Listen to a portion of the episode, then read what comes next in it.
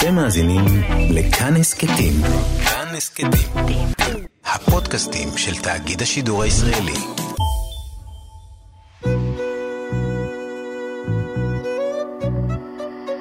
ליסה פרץ משוחחת. שלום לכם מאזינות ומאזיני כאן תרבות. באולפן ליסה פרץ, ואני משוחחת עם אנשי ונשות תרבות על החיים והיצירה. עורכת התוכנית ענת שרון בלייס, והיום האורח שלי הוא המלחין והמנצח אוריאן שוקרון, מנהל התזמורת האנדלוסית מעלות תרשיחא. שלום, אוריאן. שלום ליסה. מה שלומך? באת מרחוק. באתי ממעלות. ממעלות? כן. שעתיים ברכבת. שאת, יש את הרכבת, אבל יש לפני הרכבת, יש לך את החצי שעה לפחות ממעלות ממעלות. לנהריה. אוקיי. בוא תספר לי בקצרה, מהי התזמורת האנדלוסית של מעלות תרשיחא? מכמה אנשים היא עשויה? מי, ה... מי החומר האנושי שמנגן בה? איזה חומרים אתם מנגנים? ספר לי קצת על אוקיי. התזמורת.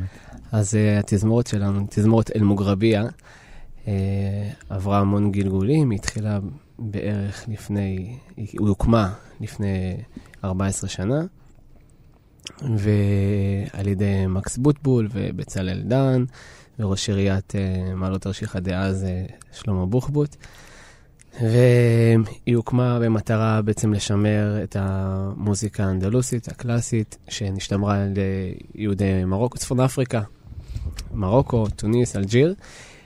אה, וככה התגלגלה, הגיעו בהתחלה נגנים שממש עלו ממרוקו, נגנים אה, ממש אותנטיים, ולאט לאט אה, התזמורת התרחבה. אני באותה תקופה הייתי ילד בבית ספר למוזיקה, למדתי פסנתר קלאסי, וככה נחשפתי לזה שיש חזרות בימי שלישי באותו קונסרבטוריון במרכז המוזיקה, והתחלתי להתעניין, אבל... אה, טוב, זה אני, בכל אופן, לגבי התזמורת. תכף נכניס אותך כן. לסיפור של התזמורת. לגבי התזמורת, אז תזמורת בנויה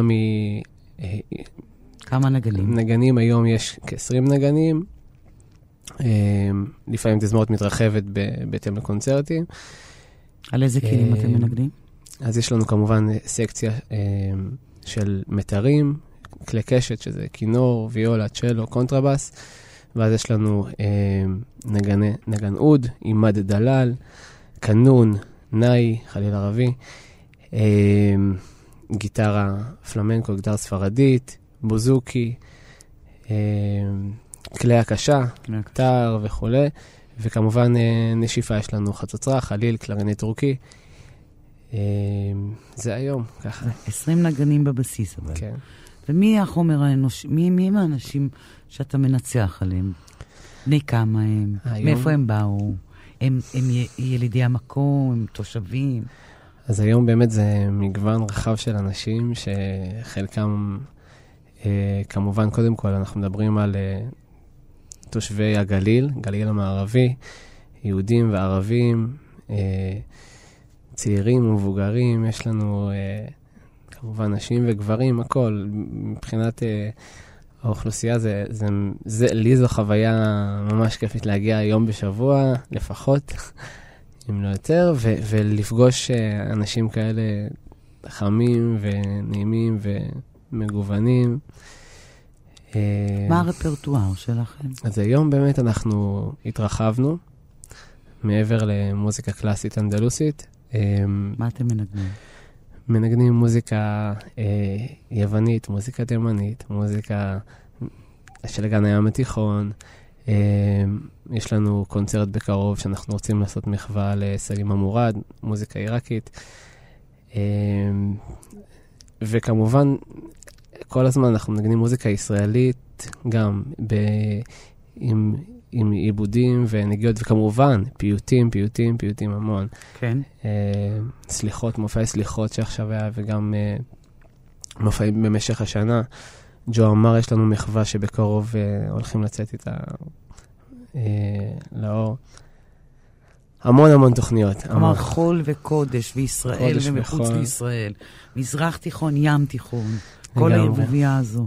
ברגע שהגעתי לתזמורת, הבנתי שאני לא יכול להתחמק ממי שאני, שאני אני אוהב קודש וחול, אני אוהב מזרח ומערב, אני, אני מחובר ל, לכל הגוונים האלה, וכנראה לא, לא סתם אני, אני נמצא שם, כנראה שאני צריך להביא את הקול שלי.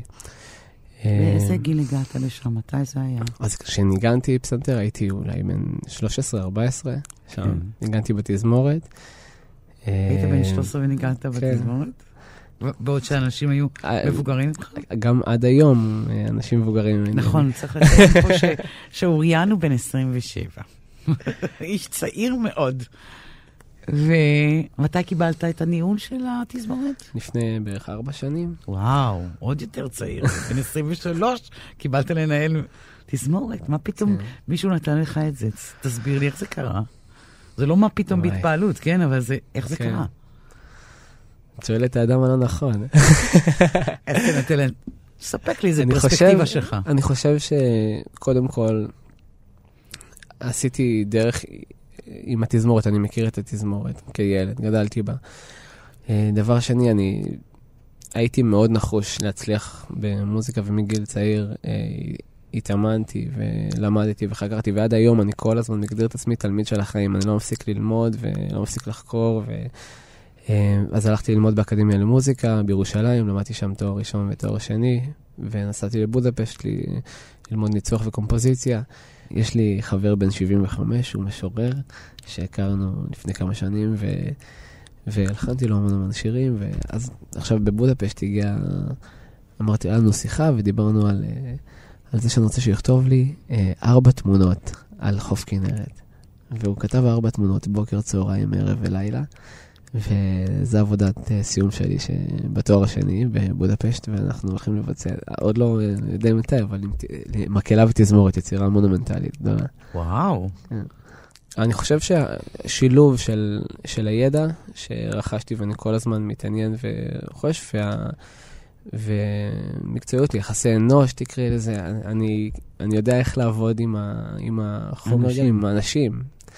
שבכלל, אנשים זה האהבה השנייה שלי בחיים, כאילו, יש לי מוזיקה ואנשים, כאילו, מה שהם... אז מתחבר ביחד. התזמורת זה ממש התלבש זה. לך זה זה. בול.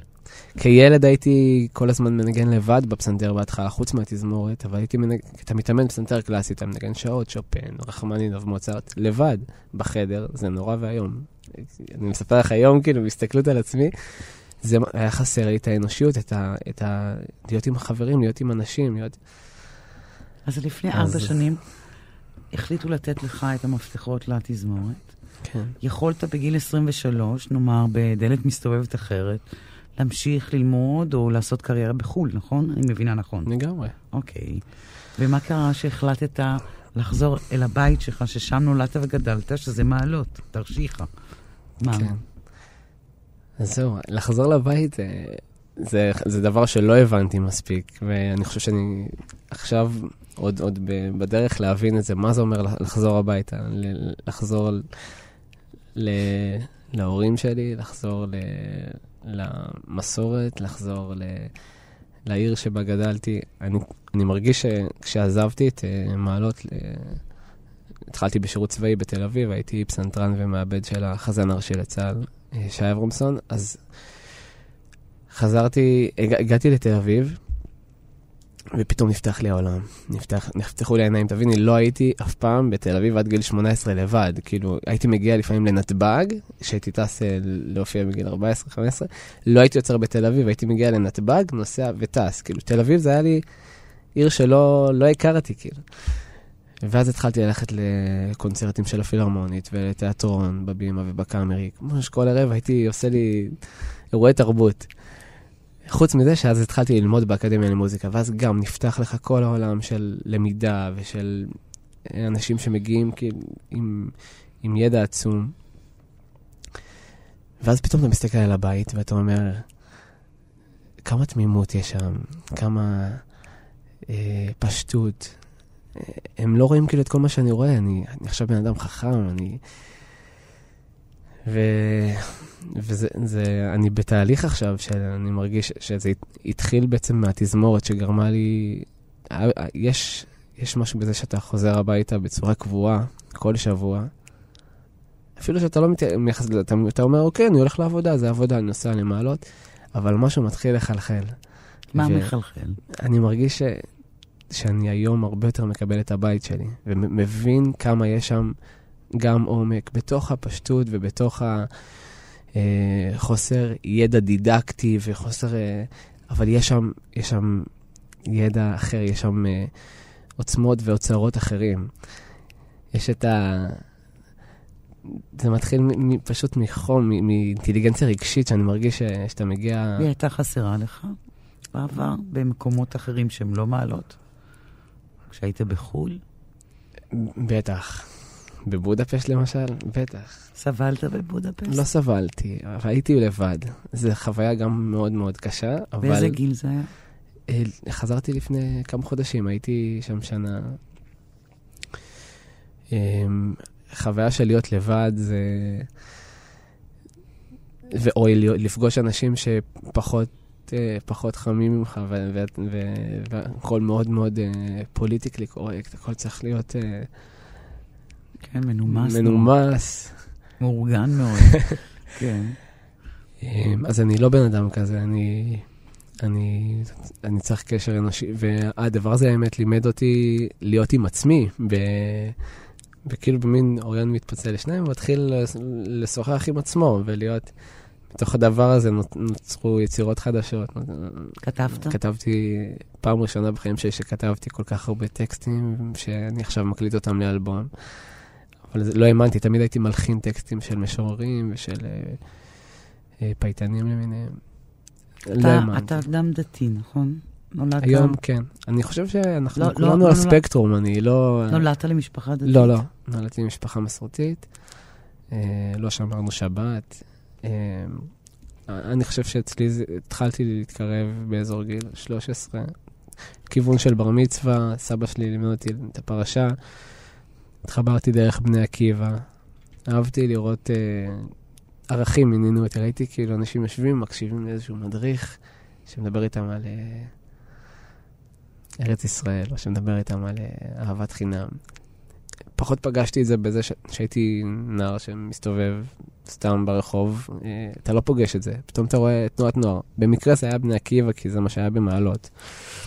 אה, וזה משך אותי, המפגש הזה. שוב, אנשים. אנשים. אנשים.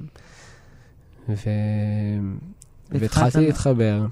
במקביל ההורים שלי גם למדו, היה מגיע אליהם, מישהו היה מדבר איתם, מלמד אותם אה, יהדות, מסורת, למרות ש... אימא שלי גדלה בבית דתי, והיא חזרה בשאלה. ואבא שלך? ואבא שלי בית מסורתי. מרוקאי, את יודעת, יודעים מה זה, עושים חגים, שומרים כשרות.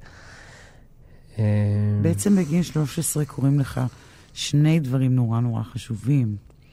אחד, אתה הופך, אתה מתחיל בתהליך של להפוך לאדם דתי, ובגיל 13 אתה גם מתחיל לנגן באופן ממש מקצועי כמעט, נכון? כן, זה קרה במקביל. אפשר לומר, כן. אני זוכר גם ש... יש קשר בין שני התהליכים האלה. מעניין. לא יודע, יכול להיות שכן, שיש, שאת, שאתה מתחבר בעצם לאיזשהו משהו שהוא יותר, כאילו מעניין אותך משהו שהוא גדול ממך, מאיזשהו ערך מסוים, אם זה אה, המסורת של, של אבותיך, ואם זה חיבור פנימה יותר, המוזיקה, כאילו זה משהו שנמצא בתוכנו, אנחנו מונעים מצלילים, מונעים ממוזיקה, זה משהו ש... שמזיז לנו פה, בלב, דברים. כלומר, זה אז... משהו רוחני בשני המובנים. רוחני לגמרי. גם המוזיקה עבורך. המוזיקה זה דבר רוחני לגמרי. ומתי אה, התחלת בכלל לנגן? באיזה גיל ממש? אז התחלתי לנגן... אני, אני מאמינה שלפני גיל כן, 13, נכון? כן, כן. באיזה גיל? גיל תשע, המורה למוזיקה בבית ספר, אה, למדנו דרבוקה. ודום דום אסטק, דום אסטק, את יודעת, כל המקצבים. ואז סוף שנה היא אומרת לי, אוריאן, אתה עכשיו עולה, אה, תהיה סולן, ואתה מנגן מקצב, אתה מתחיל אה, מסמודי כביר, ואז כל הכיתה אחריך נכנסת. והיה קונצרט נחמד וזה, ואז בסוף הקונצרט היא אמרה לי, תקשיב טוב, אתה מוזיקאי, תלך תגיד לאימא שאתה מתחיל ללמוד אצלי פסנתר בשנה הקרובה, שנה הבאה. מי זאת המורה הזו? קוראים לה רימה זכרוב. שהיא תושבת מעלות? היא תושבת מעלות, ואני מודה לה עד היום, אני בקשר איתה, באמת. היא, היא תושבת מעלות, היא נולדה שם? היא, לא, היא נולדה בברית המועצות, אוקיי. היא עלתה לארץ, ו... והיא גידלה דורות של תלמידים. אז היא אמרה לך, בוא ללמוד אצלי פסנתר. מה ידעת על פסנתר לפני? מה ידעתי? לא, לא, לא ידעתי. מה ידעתי? ראיתי קלידים שחורים ולבנים. לא, לא ידעתי כלום. ואיך ניגשת לכלי הזה בפעם הראשונה? אתה יכול לזכור את זה? וואו. אה... לא זוכר. אני, אני זוכר שהייתה לי חוויה מאוד טובה. כי, מה שאני זוכר תמיד זה שאימא שלי התחילה איתי ביחד ללמוד, היא ביקשה גם היא ללמוד פסנתר. אה, היא התחילה היא איתך? התחילה איתי ביחד, היה לנו שיעור אחרי, אחד אחרי השני, היא הייתה מחכה. ברצינות. כן. אוקיי. ואחרי חודש היא אמרה לי, אה, אורי, אני לא ממשיכה, אבל אה, תמשיך אתה, ואז הבנתי כאילו שעד כמה אני ממש התחברתי לכלי, ו... והכלי התחבר אליי, ואז... איך הרגשת את. זה? כי ראיתי שזה זה לא מובן מאליו, שכל אחד בא ומנגן על פסנתר ו... וזה עובד. אימא שלי התחילה איתי ביחד וזה לא עבד. ומה אצלך עבד, אתה חושב? הבנת את זה מיד? משהו כנראה, אני גם, נראה לי, זה מתחבר לי גם לרגישות, שאתה ניגש לכלי זה כמו, זה נשמה, ואתה ניגש אליה ב, בעדינות. אני תמיד הייתי ילד עדין ורגיש, אני, מאז שאני זוכר את עצמי. אז החיפוש וה... לא הייתי דופק על הפסנתר, הייתי מחפש. הייתי סקרן גם, מאוד סקרן. לא הייתי רק עושה מה שהמורה שלי אומרת, הייתי מחפש בעצמי.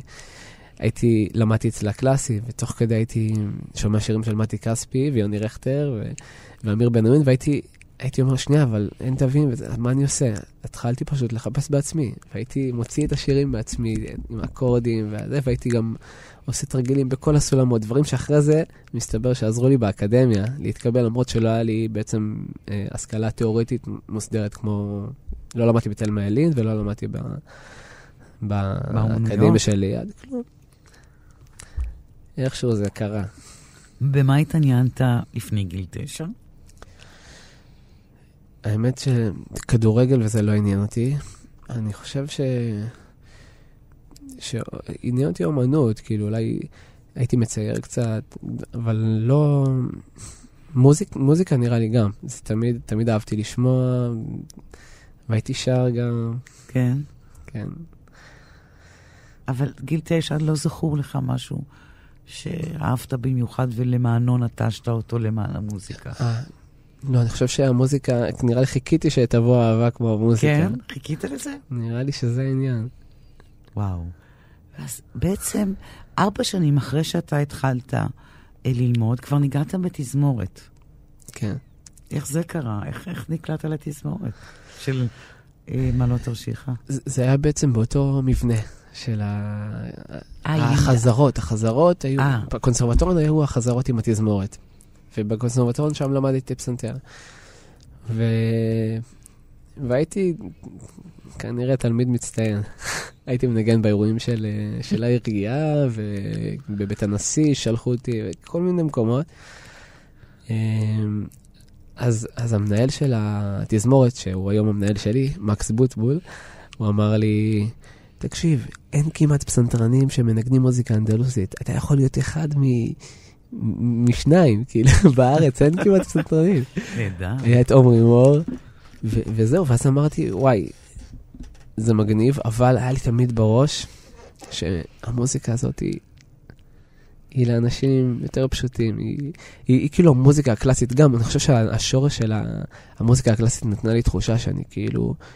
אמ, איש העולם הגדול, וגם זה התחבר לי בטיפה שהתבגרתי קצת גם לעולם, כאילו יותר נאור, העולם האירופאי, העולם האשכנזי, שאני פסנתרן קלאסי ולא נגן ככה סתם אה, אה, פיוטים. כן. אז הבחור הזה, הוא בעצם חיבר אותך, התחיל לחבר אותך לעצמך, כן, אמר הוא לך בעצם מי אתה. בוא, כן, בוא, בוא, תר, בוא תצטרף לתזמורת, תנגן, תהיה איתנו. ואנשים אז היו בני כמה בתזמורת? מה, היו אנשים בני 70? כלומר, היו אנשים בני 70 בטח. ואתה ניגנת בפסנתר. והיית בן 13. כן. ההורים שלך, איך קיבלו את הדבר, את המוזיקה? באהבה גדולה. אימא מההתחלה. שלי, כן. זה ראו, אימא שלי תמיד הייתה אומרת לי, אני הכי חשוב לי שתהיה מאושר, ויהיה לך שקט נפשי. זה משפט שאני לא, לא שוכח. ואז לא משנה, עד היום, בדרך שאני הולך, ב... את יודעת, בגיל שלי, כל החברים שלי הם משפחות וילדים, ו... באיפה שאני גדלתי, כן? אז הם מבינים שאני עושה דרך, והדרך שלי היא, היא נכונה כנראה לי. ו... הם עודדו אותך, הם לגמרי. דחפו אותך. לגמרי, אבל גם בעדינות. זאת אומרת, שהיה איזשהו משבר ב... עם הפסנתר, אה, כאילו, מה זה עם הפסנתר? עם, עם העולם הקלאסי, שהרגשתי שאני רוצה לנגן יותר גם אה, מגניב, נגן אה, שירים ישראלים. אז זה היה מגניב בשבילי. אז, אה, אז אמרתי למורה שאני אני לא יכול כבר, די, לא רוצה לנגן מוצרט. ואז היא אמרה לי, טוב, צריך לדבר עם אמא, לראות מה, מה עושים. באיזה גיל זה היה? אני חושב שזה היה באזור, אני חושב, גיל 13.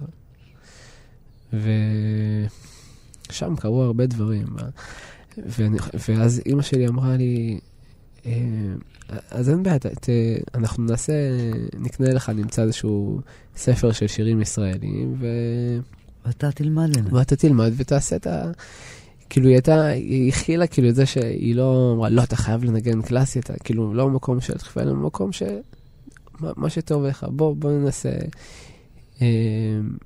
אמ, והאמת שבזכות זה, אני בעצם אחרי שנה כך שניגנתי, אה, זה הבנתי שאני רוצה עוד להעמיק בעולם הקלאסי המערבי.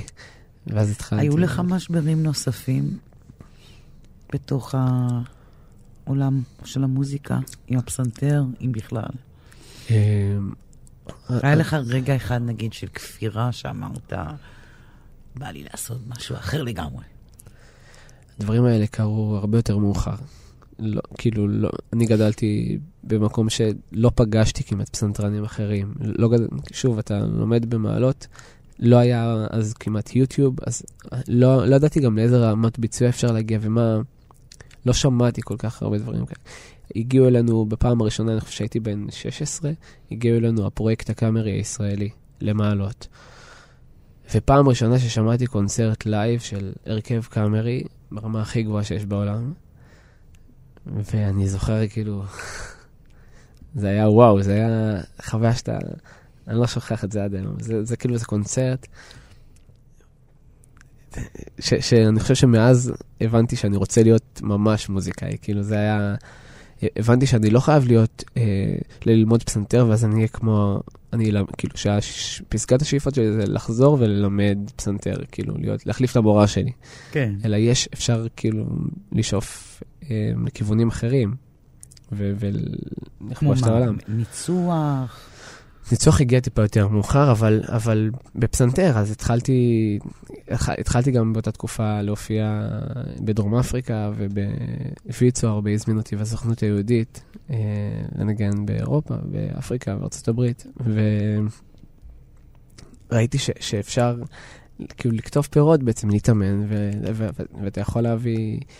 אה, להצליח. להצליח, לגמרי. אבל דיברנו על, על משברים. אז משבר, אז משבר אה, עם הפסנתר הגדול, אני קורא לזה, בסוף התואר הראשון, כשלמדתי ביצוע פסנתר קלאסי באקדמיה למוזיקה בירושלים.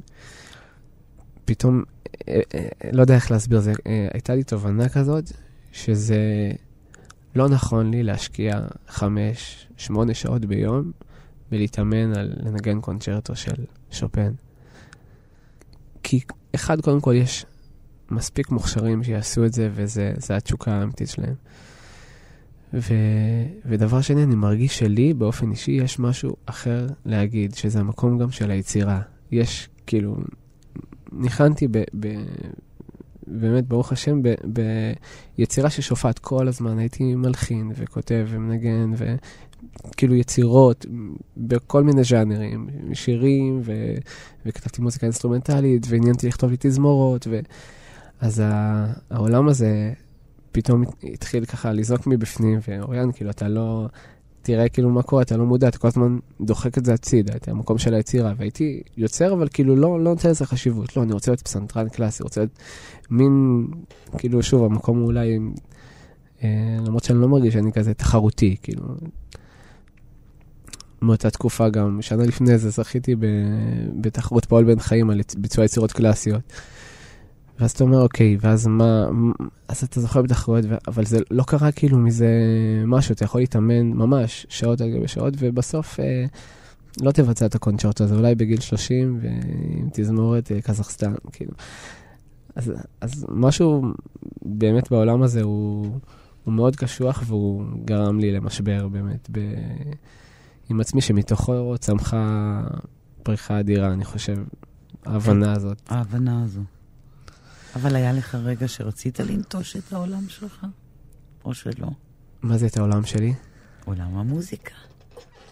מאז שהחלטתי, אני, אני חושב שזה זה גם, זה אתה מחליט, אבל אתה חושב שאתה מחליט, זה בעצם, אה, אין לך כל כך, אני מרגיש שאין, זה מחליט אותך. אה, מחליט בך, בוחר בך, אין לך כל כך בחירה, אני לא, לא רואה את עצמי, ברגע שראיתי שאני, שמוזיקה זה, ה, זה, זה החיים שלי, לא, אני לא רואה את עצמי, לא מדמיין את עצמי עושה שום דבר אחר. באמת. שום דבר אחר. זה לא משנה באיזה מצב, אה, גם במצבים הנפשיים הכי קשים שהייתי, שהייתי בחרדות ודיכאונות בתקופת התיכון, המוזיקה הצילה אותי, כאילו, המוזיקה, לגמרי. באיזה מובן? שהייתי הייתי מנגן ושר לעצמי, וכל פעם אותך? הייתי בוכה על הפסנתר שעות בלילה. זה היה, זה, זה, זה, זה היה מי שהייתי משתף, זה היה החבר הכי טוב שלי. בימים אלה אתה עובד אה, על אלבום סולו, נכון? אמת. אז עכשיו אנחנו נשמע קטע מתוכו. נשמע את השיר אה, מחכה לך.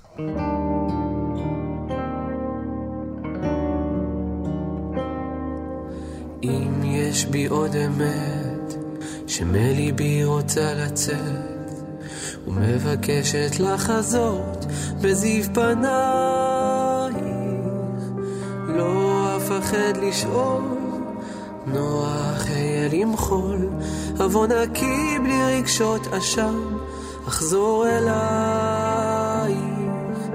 אם נותרה בי עוד תפילה, כוונה גדולה שיכולה ללא מילה, לבלי חשבון, רוצה אחרת, כעבד אהיה רק לה, כיצחק בגדה, אשאף כמו האדמה לטל, משנת בצורת. בואי אליי, נשמה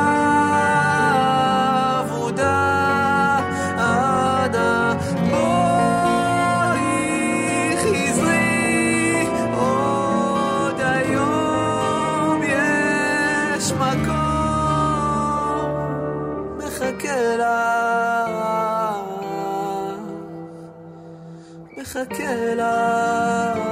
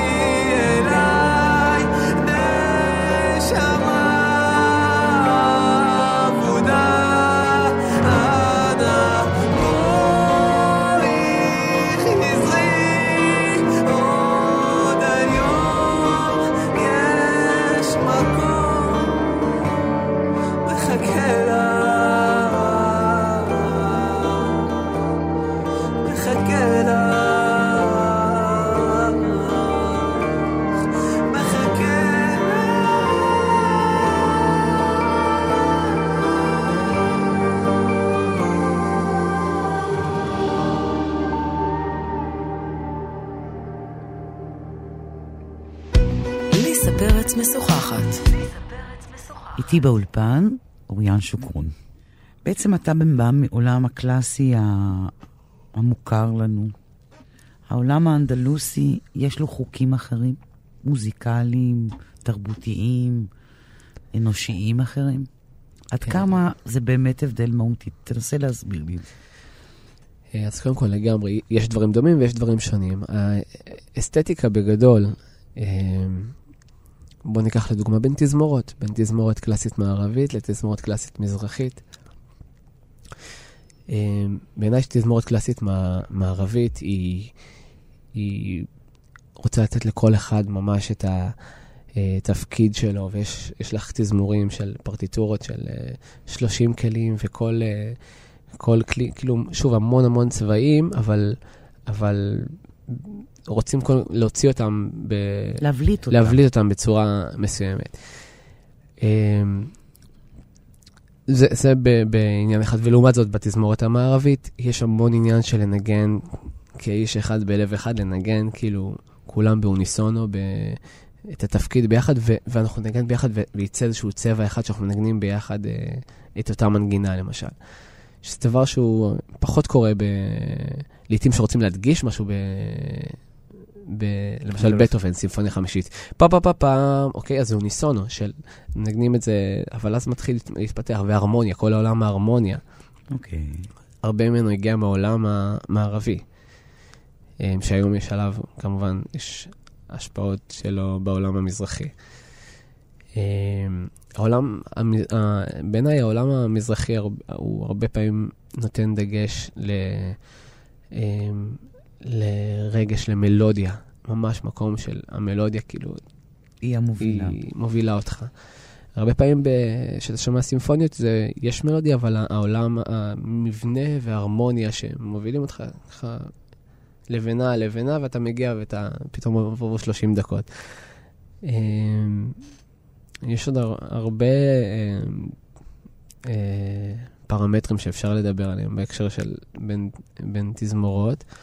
אתה כפסנתרן שניגנת קלאסית, ועכשיו שאתה מנגן אנדלוסית, באיזה אופן אתה מתכוונן אחרת בכל... אחת מהקטגוריות האלה? אז קודם כל, היום אני, אני לא מנגן או קלאסי או אנדלוסי, אני מנגן אוריאן, אני מנגן את כל ההשפעות ש... שיש בי, אני לא משחרר, אני לא אה, מפריד אותם, זה לא, אה, זה גבוה, זה נמוך, זה קלאסי, זה... הכל מבחינתי זה, זה מוזיקה. אז אה, אני ניגש לזה פשוט מה, ש, מה שמגיע לי באותו רגע נכון, מה שמרגיש לי נכון, אני יכול לנגן את אותו שיר עם, אה, עם נגיעות, אה, עם סלסולים על הפסנתר, ואני יכול לנגן אה, פיוט עם הרמוניות ג'אז, ואני אני אוהב כל המקום של הפיוז'ן. שוב, זה מתחבר לי ל... לאהבה של, של גוונים, של אנשים, של צבעים, של תרבויות. מה, מה התזמורת שלכם ניגנה לפני שאתה הגעת? איזה גוון מסוים. הם ניגנו בעיקר, אה, שוב, ניגנו בעיקר למשל אה, פיוטים ומוזיקה אנדלוסית, אה, מוזיקה ערבית קצת, וניגנו את זה בעיקר אוניסונו, זאת אומרת, היה ביחד, הם מנגנים mm-hmm. כולם את אותו תפקיד. אותו תפקיד. ואני חושב שאחד השינויים הגדולים שהתעקשתי על זה בתזמורת, ואמרתי, למנכ"ל, אין שיר היום שאנחנו נעלה שלא יהיה לו עיבוד מיוחד לתזמורת. אנחנו לא... אה, אני רוצה שיהיה לנו, שיהיה לנו, קודם כל את הצבע שלנו. ו... ודבר שני, זה, זה פשוט מרים גם את השאיפה של לתת לכל, לכל קבוצת כלים, או, או, או לנגן, לתת לו תפקיד שהוא, שהוא ייחודי, אתה יכול לבנות אה, אה, שוב, יצירה יותר, אה, יותר גבוהה, או... אני חוזר בי עם הגבוהה, אבל זה פשוט משהו... עשירה יותר? עשירה, עשירה, כן.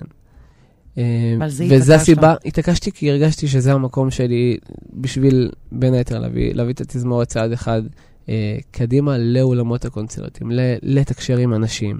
הרבה פעמים אנשים מרגישים, אומרים לי, וואי, אנדלוסי זה כבד, אין לי כוח לבוא לקונצרט, תסלח לי, נכון?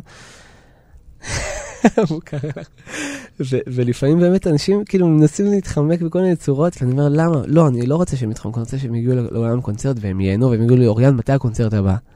זה מה שאני רוצה שיקרה. אז בשביל זה אני מרגיש שיש לי שליחות, זה מה שאני צריך לעשות אה, עם התזמורת. מעבר לזה שזה באמת, אני מאמין בזה, ואני רוצה להביא את הפיוז'ן הזה ואת החיבור בין העולמות שגדלתי עליהם ו- ולמדתי וספגתי. וזה קשה להעביר תזמורת כזאת לחזון שלך, להצמיד אותה לחזון שלך? זה תהליך. תהליך, אני ארבע שנים בתזמורת, אה, אבל אנחנו לגמרי רואים פירות, ואם אני מרגיש שפעם אה, הייתי צריך לבקש מזמר שיבוא לשיר איתנו, והיום אני מקבל כל הזמן פניות מאמנים ואמניות שרוצים לשבוא ולשיר איתנו. כן, ואנחנו, אני מרגיש שאנחנו עולים על הגל לגמרי. למרות הקושי שאנחנו במעלות, וזה באמת חשוב לציין, זה, זה לא פשוט להיות תזמורת אה, שרוצה להוביל מהלך אה, תרבותי, חברתי, שאתה נמצא ב, ב, בצפון הארץ. ומה יגידו אלה שהם הקימו באשדוד, וזה, הם יכלו להגיד... אשדוד זה מרכז הארץ. לגמרי, אני מסכימה איתך. נכון. זה הרבה יותר קרוב. מה זה, 45 דקות מתל אביב? מה, זה כלום. תגיד, אתה שמעת אנדלוסיות, אגב, האנדלוסית של אשדוד, שמעת אנדלוסיות בעולם ובארץ. במה הן נבדלות מכם? נגיד, נדבר על אלו שבארץ. שתי האנדלוסיות המוכרות לנו. אמ, אם היית יכול לעשות איזה השוואה. אה, אני הייתי מעדיף לעשות השוואה. הייתי, הייתי, אני חושב שכל תזמורת יש לה את ה... בעצם זה סך נגניה, זה אמ, זה העיבודים, הדרך האומנותית שהיא רוצה להוביל, בחירת השירים. אמ, אני, אני הייתי מתעסק פשוט בדרך, אה, בדרך שלי, ולא הייתי מנסה כל הזמן לחפש, ל, להגיד במה אני דומה להם או במה אני שונה מהם. אני, אני מאמין בדרך שלי, ואני הולך איתה פשוט ישר, ישר מסתכל קדימה. היא הרבה יותר קטנה מהאחרות. היא יותר קטנה, פחות מתוקצבת. אמ, פחות מתוקצבת, זה קריטי. משמעותית, משמעותית. כן. זה, וזה דבר קריטי כמובן. אמ, היא מרוחקת יותר גם. מרוחקת, וזה מקשה גם, אז שאתה רוצה להביא לפעמים, להרחיב את הנגנים, ואין לך מספיק נגנים, אז מתחילים להביא מהמרכז, ואז הנגנים עולים יותר, ואז, ואין תקציב, אז אתה מבטל חזרות, ואתה... אנחנו ממש ממש ממש ב... אבל עם כל הכוח לא מוותרים. לא מוותרים, אה? לא מוותרים. אנחנו לא, לא ניסגר ולא המייט. ניפתח. ניפתח לעולם. רק ניפתח. אני רוצה רגע לחזור איתך לתקופת ה... התקופה שלך באקדמיה למוזיקה בירושלים. כן. אני מניחה שזה מפגש מאוד מטלטל. לפגוש אנשים שבטח באו מ... רקעים אחרים, השכלה אחרת, אה, מורים אחרים, אה, מתודות אחרות.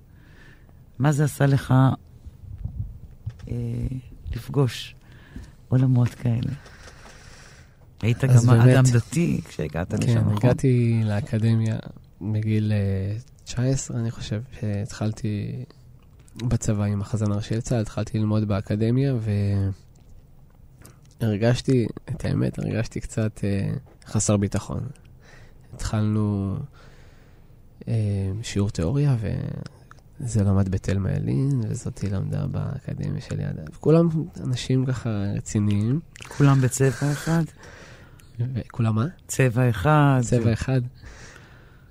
צבע כן. ומוצא אחד. אה, והרגשתי קצת חסר ביטחון. ו... לקח לי אבל כנראה תוך שבועיים שלוש להבין ש... שאני, הכל בסדר, היה לנו מבחן כזה, זה, וראיתי שקיבלתי ציון uh, 100, מצוין. הבנתי שהכל בסדר, וש... שזה רק היה אצלי, זה תחושות שאתה מגיע לפעמים uh, עם... Uh, זה עניין שלך בפנים, חוסר ביטחון מול אה, אנשים בחוץ, אני חווה את זה מדי פעם בחיים, זה כל פעם תזכורת כן. כזאת שזה בעצם באיזה, בפנים. באיזה מובן אתה חווה את זה? באיזה אופנים? אה, עכשיו אה, התקבלתי לתוכנית מנדל למנהיגות, ואני כאילו בפער הכי צעיר שם, ואני אומר, בוא'נה, איזה אנשים גדולים אני נמצא איתם, מה, מה אני עושה פה, כאילו? ומסתבר שכנראה יש לי מה לעשות שם, כנראה שאני... שאני בסדר, שאני שווה אפילו, ש... ש... של להיות שם. לאורך הלימודים, היו לך, היו לך כאילו תקופות שגם זה חזר והרגשת את התחושות האלה? הרגשתי את זה ב... לפעמים בפסנתרנות, שוב, שאני לא מספיק, אה, לא מספיק אה, פסנתרן טוב, כאילו כמו שהייתי רוצה להיות. זה תחושות ממש של כל אה, מוזיקאי קלאסי, כאילו שלומד כל הזמן להלקוט את עצמך, ואתה לא מספיק טוב. זה עולם מאוד קשה. חושבת שזה כמעט איזו מוטיבציה שמחדירים בכם. כלומר, זה האופן שבו מחדירים... הלקאה עצמית. הלקאה עצמית, כן. וגם בטח היית האדם הדתי היחיד בכיתה? אמ, נראה לי, מה שזכור לי, כן. נראה לי, בכיתה שלי, בכיתה בקלאסי, כשאחרי זה למדתי אמ, קומפוזיציה, אה, אז היה, הייתי עוד חבר אה, דתי שהגיע בגיל טיפה יותר מאוחר אחרי זה לאקדמיה, אבל כן, אין, אין המון uh, דתיים, אבל שוב, אני כאילו, אני אומר, בסדר, אז לא יש כיפה ולה אין, אין חצאית, אז מה, אני לא נמצא כאילו שם, אני לא... לא, כאילו... מעניין אותי אם בתור אה, איש דתי, אם יש דברים שאתה אסור לך לנגן, או שזה בעייתי לך באיזשהו אופן. היה, היו כאלה שהייתה מישהי שהייתה איתנו באקדמיה, שאני זוכר שלמדנו, אה, שרנו אה, קורלים של באך, ו... והיא ביקשה לא לשיר את זה, כי, כי הטקסטים הם מהללים את ישו, ו... אבל... אה, ולך? לא, לא הייתה לי בעיה. לך... זה, לא רק שלי לא הייתה בעיה, יש גם, אה, יש, לא שאלתי, אבל יש, אני יודע שיש רבנים שאומרים, זה, זה חלק מהלימודים, זה כמו שאתה... אה, אולי להבדיל, אתה לומד רפואה, ואתה מתעסק פתאום אה, עם גופות ועם אה, כן. כבוד המת. ו... פה זה עניין של הצלת חיים, אבל אני חושב שבמוזיקה באמת זה אה, לדעת מה עיקר ומה טפל. אתה בא, אתה, אתה לוקח, אתה לומד מזה את, ה, את היופי שאיך באך כתב לארבע קולות, למקהלה. אתה לא, אתה לא מתעסק עכשיו ב, בטקסט, כאילו.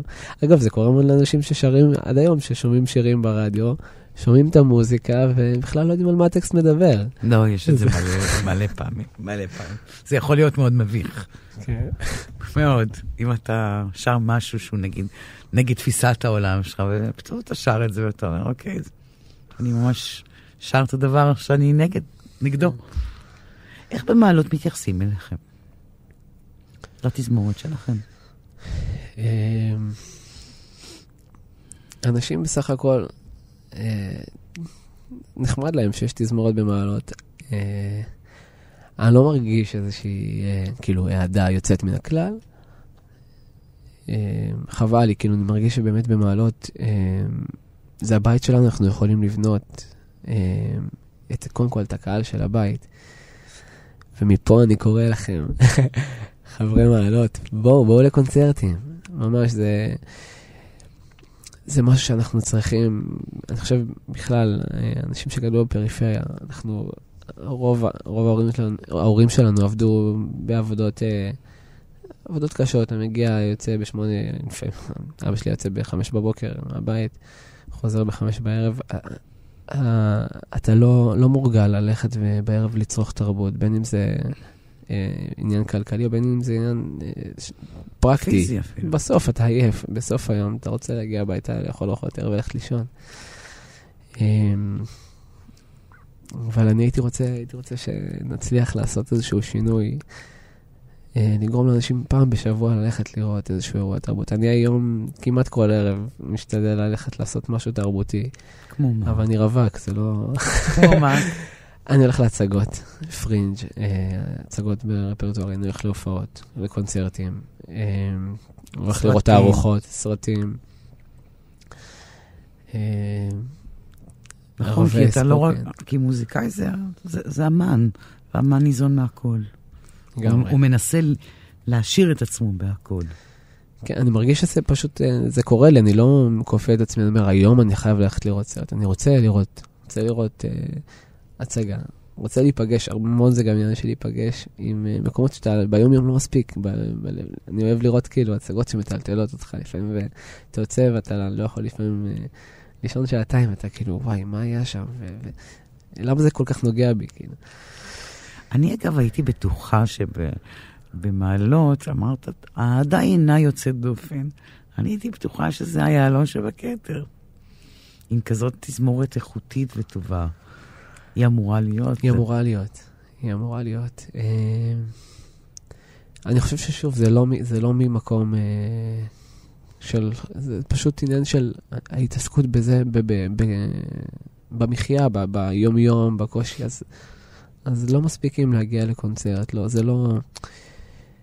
זה לא, ב... זה לא עולה. זה לא בחזית התודעה. ואולי גם איזושהי תדמית שאותה אני גם מנסה לשבור, שדיברנו בהתחלה, זה התדמית של בעצם תזמורת אה, מזרחית או תזמורת אנדלוסית, איך שזה נשמע, זה, זה, זה כבד, זה לא מדבר לאן אנחנו אם זה לסבא שלי, שעלה ממרוקו, הוא בטח אוהב לשמוע תזמורת אנדלוסית. תגיד, ואיך אה, השכנים שלכם מתרשיחא? איך נגיד אה, התרבות הזאת מתמז... יכולה להתמזג או מתמזגת במוזיקה שאתם עושים? אז קודם כל יש לנו נגנים שמגיעים גם מהכפרים מסביבנו, אה, ואנחנו עשינו קונצרט גדול אה, של שילובים. יש גם תזמורת בתרשיחא, תזמורת ערבית. אה, באמת? כן. ועשיתם ביחד? ועשינו קונצרט גדול אוי, ביחד. ניגענו עבד אל-והאב, ניגענו קטעים רציניים, והייתה חוויה ממש גדולה בהיכל התרבות במעלות. גם מיכל מהמם. הקהל שלך, שלכם גם הוא, מתרשיחא? Um, לא, לא, לא מספיק. אני חושב שאנחנו בונים את הקהל שלנו במקומות שאנחנו מגיעים אליהם, uh, בצפת למשל, בעפולה, בטבריה. Um, היינו בקריית שמונה לאחרונה עם uh, גלית גיאת ועם המופע ש... מופע מחווה לעפרה חזה, ש... ממש זכה להצלחה רבה בארץ. אמ, לצערי לא כל כך, אבל אה, יבוא היום. אנחנו חולמים, מסתכלים למרחקים ארוכים. ומה אתם לא. רואים בקצה, בקצה, המרח... בקצה האופק שלך? לאן אתה רוצה להביא את התזמורת הזאת הלאה? אה, שהתזמורת שלנו קודם כל תהיה התזמורת הלאומית. וואו. וואו, אוקיי, בוא, רגע, בוא ניקח בוא רגע צעד אחורה. בוא ניקח רגע צעד אחורה. שנייה. בוא נתחיל בצעדים הקטנים לעבר האופק. איפה היא היום ואיפה אתה רוצה להביא אותה? עוד ארבע שנים למשל. אני רוצה שהיא תהיה תזמורת שיש לה אה, קהל קבוע, תקציב אה, שמכבד את עצמו, את התזמורת, כמו שמגיע לה, ונגנים משקיעים המון המון אה, שעות נגנים טובים, ו... ויש משמעת, ויש רצון, ויש, ויש יכולת. אה, מגיע לה לא, לא להיות פחות מ, אה, מתזמורת ב, בסדר גודל שלה, מבחינת תקציבית, מבחינת קהל. הייתי רוצה שנעשה יותר שיתופי פעולה גם עם אמנים, עם אמנים גם אה, מחוץ לארץ, וגם אה, בארץ עוד, להגיע ל, לאנשים ש... שעדיין לא שרו עם, אה, עם תזמורת כזאת אה, מיוחדת. ואני קורא לכם, גם אנשים באו ש... באו לשתף. באו לשתף פעולה. פעולה עם אוריאן אני מקבל המון הצעות, אבל אני רוצה לשמוע דברים שידליקו אותי עוד, שייתנו לנו... אה, כן, מה יכול להדליק אותך? שיתוף פעולה עם... נגיד, מה, נגיד, איזה מין הצעות יכולות להדליק אותך? עשינו עכשיו הצעה עם שלמה גרוניך, שזה היה חוויה אדירה. אמ, יכול להיות מאוד ברי סחרוף, אה, דודו טסה, אנשים שגדלנו עליהם. ברי, דודו, אנא מכם. אנחנו פונים אליכם בפנייה נרגשת. רציתי להגיד לך תודה רבה על השיחה הנפלאה הזו, אוריאן. תודה לך, ליסה. עד כאן השיחה עם המלחין והמנצח אוריאן שוקרון. באולפן ליסה פרץ, עורכת התוכנית ענת שרון בלייס. אפשר להאזין לתוכנית הזאת ולתוכניות אחרות ביישומון כאן. תודה לכם על ההאזנה ולהתראות.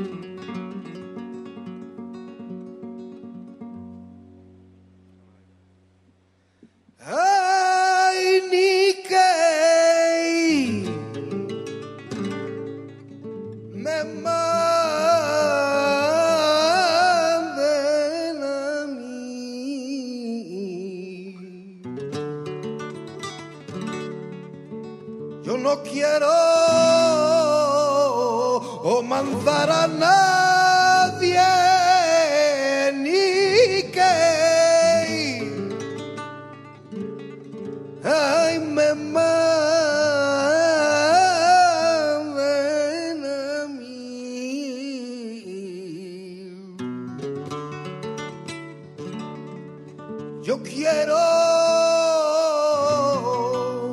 oh, vivir errante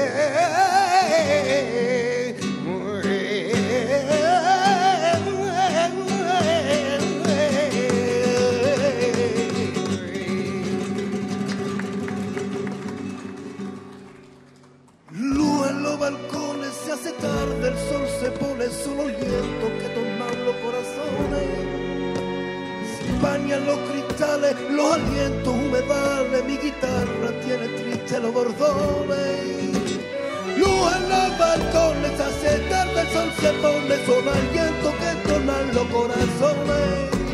Se bañan los cristales, los alientos humedales, mi guitarra tiene triste los bordones.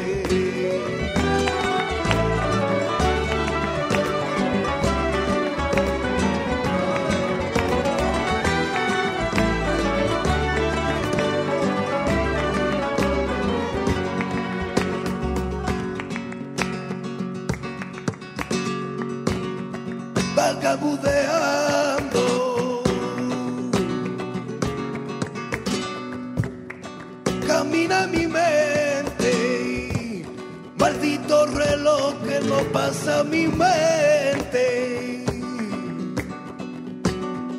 Y una hoja en blanco y me planto al frente. Me siento muy solo, vacío y ausente.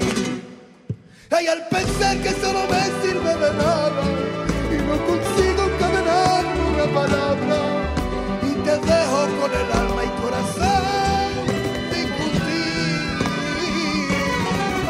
Ay, al pensar que solo me sirve de nada, ay, no consigo encadenar una palabra y te dejo con el alma y corazón discutir. Luz en los balcones hace tarde, el sol se pone solo que doblan los corazones. Bañan los cristales, los alientos humedales, mi guitarra tiene triste los bordones. Luz en los balcones se hace tarde, el sol se pone solo el viento que doblan los corazones. Bañan los cristales, los alientos humedales, mi guitarra tiene triste los bordones.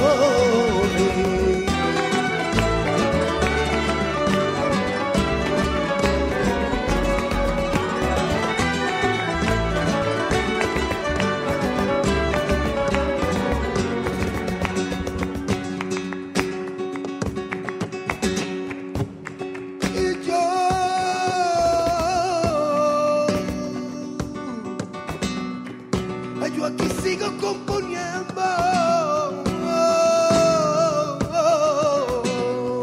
Ay, deshojando sentimientos, prefiero hacerlo canción. Cantar los cuatro vientos que llena el fondo de tu voz porque así lo pienso, porque así soy yo, porque así lo pienso, porque así soy yo, así lo pienso, que porque así soy yo. Ay, al pensar que solo me sirve de nada, ay, no consigo encadenar una palabra y te dejo con el alma y corazón discutir. Ay, al pensar que solo me sirve de nada, que no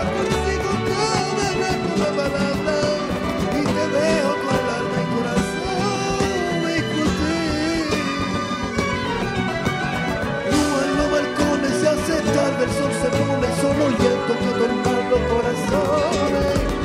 Bañan los cristales, los alientos, humedales, que le piten los bocones. Luan los balcones, ascenden de tortolones, son los vientos que tornan los corazones. Se los cristales, los alientos, humedales, mi guitarra tiene triste los bordones. Luan los balcones, hace sol se pone, son llantos que tornan los corazones. Empañan los cristales, los llantos humedales, mi guitarra, ay, mi guitarra tiene triste los bordones.